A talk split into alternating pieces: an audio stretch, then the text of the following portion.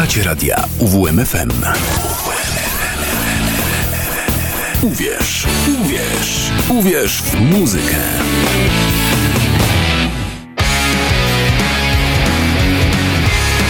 To mi gra.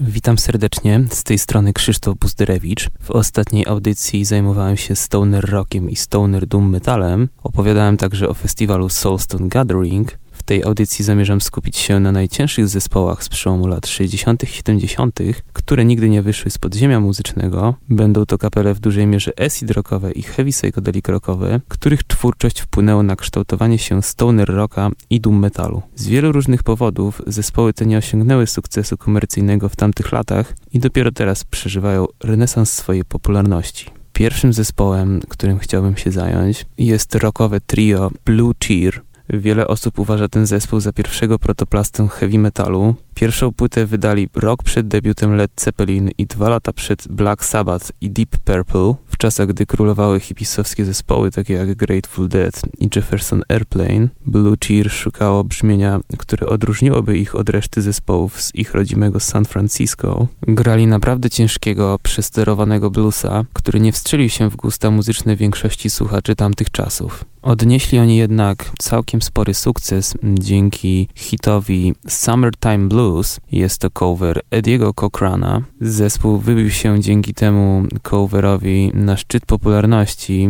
jednak było to tylko chwilowe i zespół i tak pozostał w tamtych czasach relatywnie mało znany. Dopiero narodziny heavy metalu w latach 70.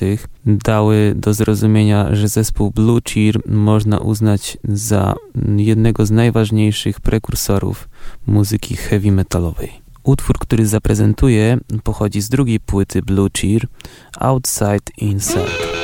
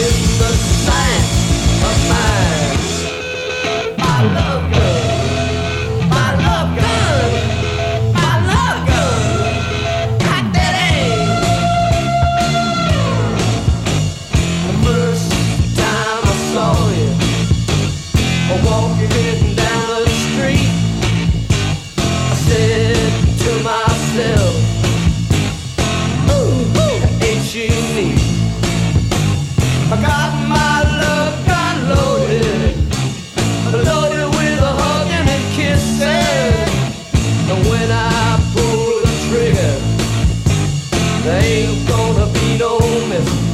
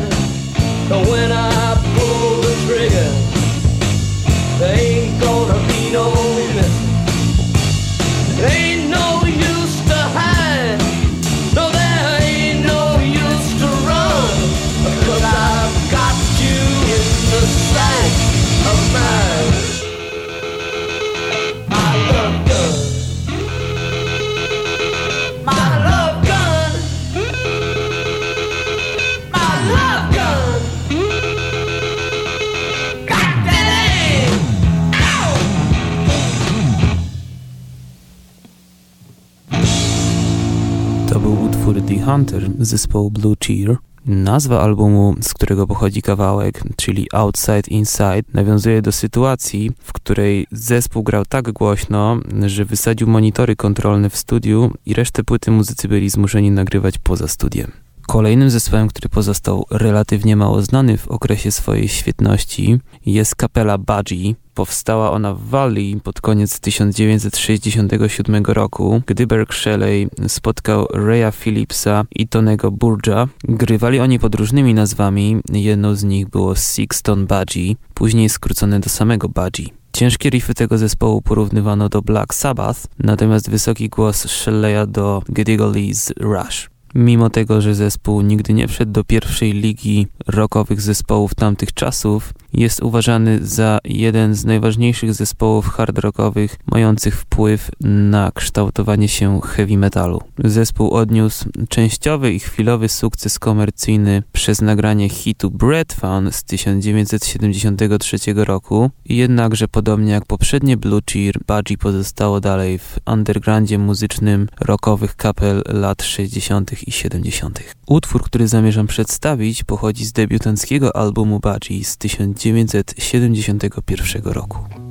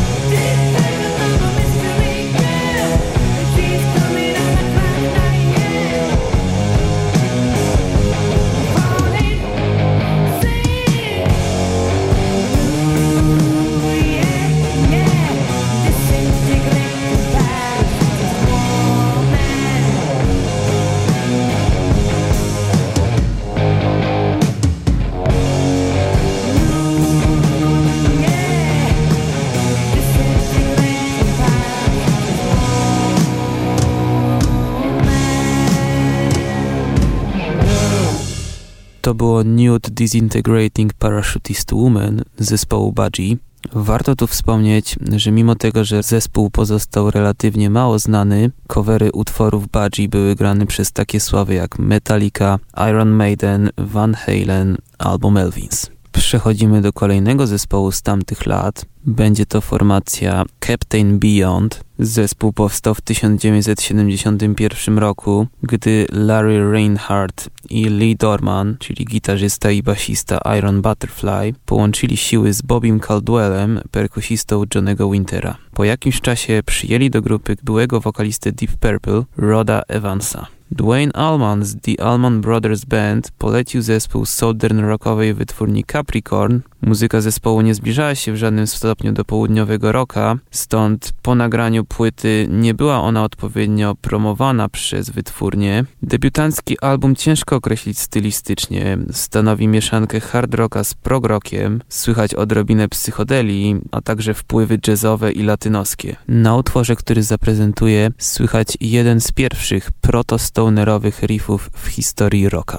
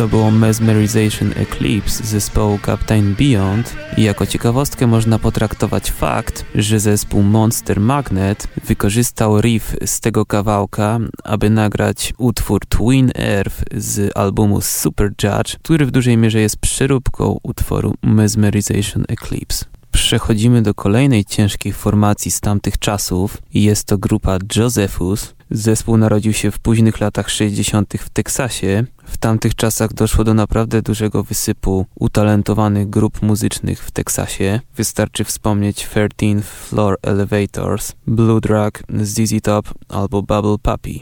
Muzycy nagrali album w grudniu 1969 roku. Niestety nie został on nigdy opublikowany. Sfrustrowani muzycy ze studia nagraniowego w Phoenix wrócili do swojego macierzystego Houston, jednakże już w kolejnym roku zespół postanowił wrócić ponownie do studia nagraniowego, aby nagrać album. Ta sesja nagraniowa skutkowała nagraniem albumu Dead Man, który uważany jest za naprawdę zapomniany artefakt ciężkiego rocka lat 70 przed państwem Josephus.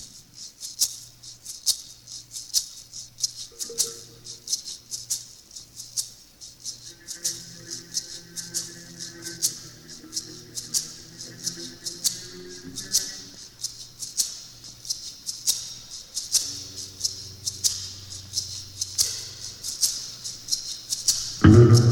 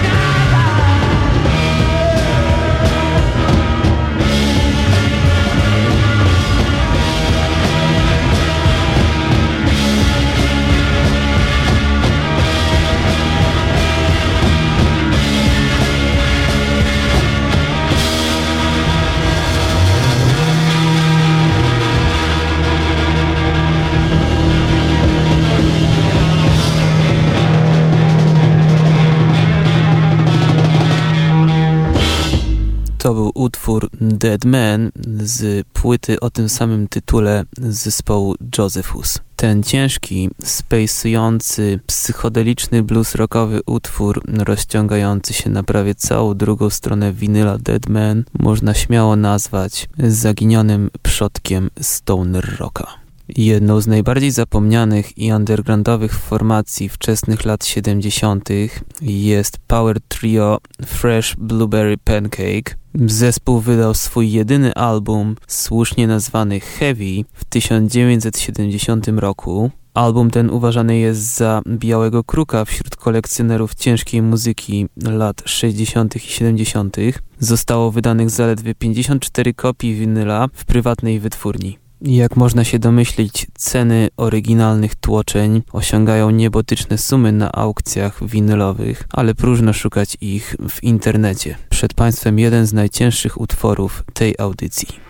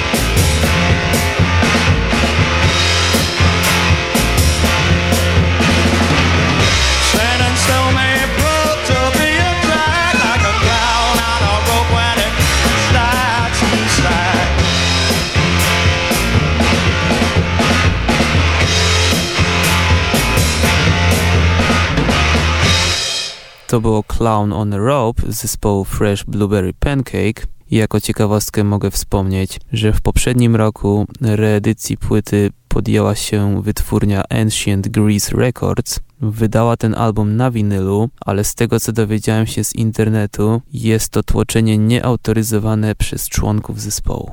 Ostatni zespół, który na dzisiaj przygotowałem, nazywa się Wicked Lady. Powstał on w 1968 roku. Od samego początku zespół zaskarbił swoje uznanie i szacunek wśród motocyklowego bractwa Hells Angels, z którym jeździli na wiece, zloty i nocne imprezy. Zresztą członkowie zespołu nigdy nie ukrywali fascynacji szybką jazdą i ciężkimi motocyklami. Ich brudne, sfazowane garażowe riffy powodują, że zespół Wicked Lady można wskazać jako jednego z pierwszych protoplastów doom metalu. Członkowie zespołu coraz częściej gościli na uniwersytetach i koledżach.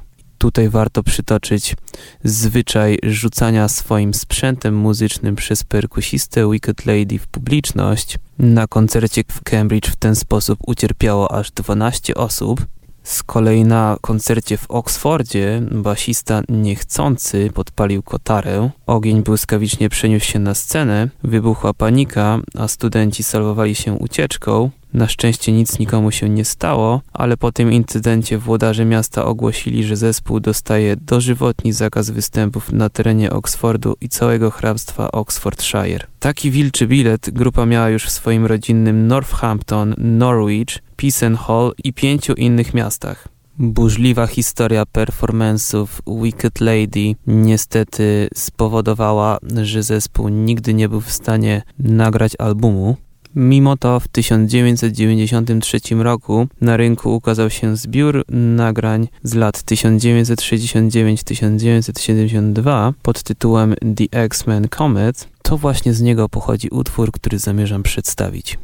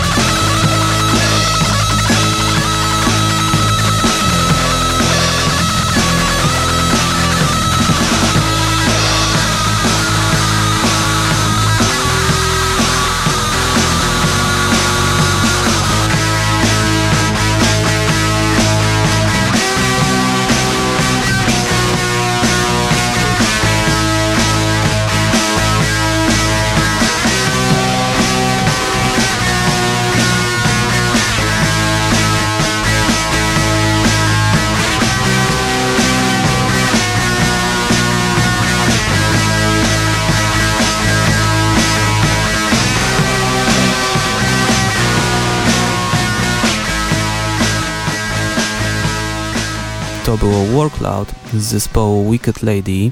Mimo tego, że zespół uważany jest za acid rockowy, ten kawałek można śmiało nazwać pierwszym acoustic doom metalowym utworem w dziejach metalu.